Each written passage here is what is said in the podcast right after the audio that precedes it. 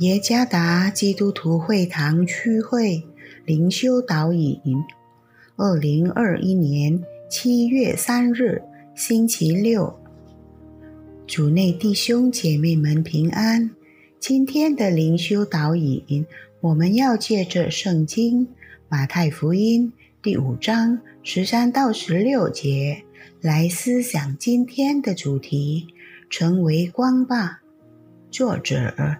是爱家传道，马太福音第五章十三到十六节：你们是世上的盐，盐若失了味，怎能叫它再咸呢？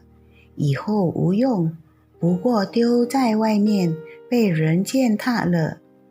你们是世上的光，城照在山上是不能隐藏的。人点灯。不放在斗底下，是放在灯台上，就照亮一家的人。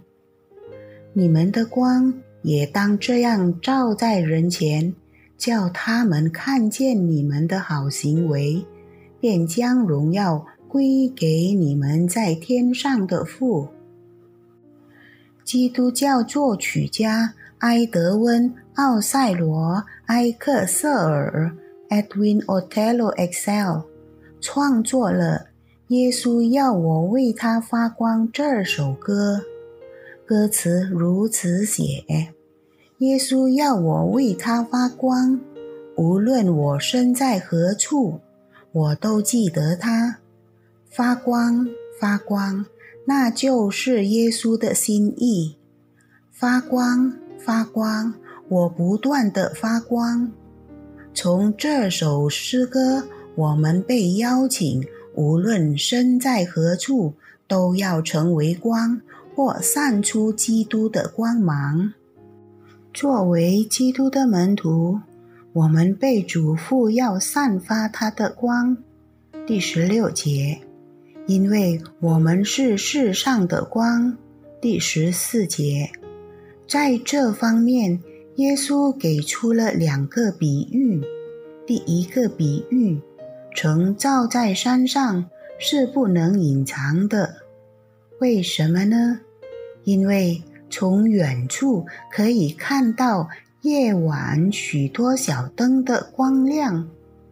第二个比喻，人点灯不放在斗底下，是放在灯台上。为什么呢？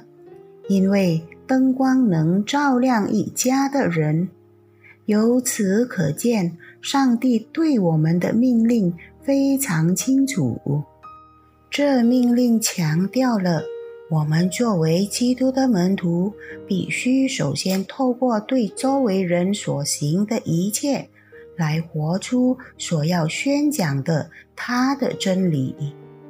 我们学会根据上帝的真理表现任何行为，尽管在传扬上帝的真理，我们将受到一些挑战。我们作为基督的门徒，必须敢于拒绝一切不符合上帝真理的行为。故此，让我们成为光吧。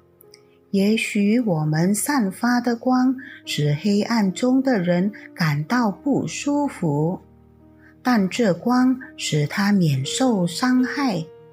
我们所展现出来的光能消除周围人的黑暗生活，并引领他们进入上帝的真理。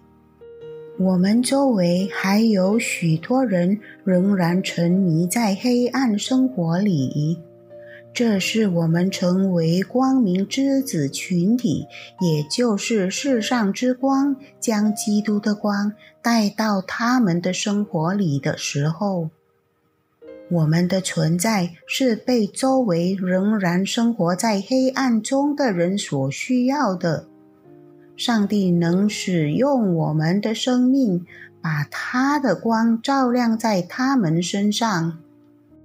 继续散发基督的光吧，即消除黑暗，并带领人们进入上帝真理的光。主耶稣赐福。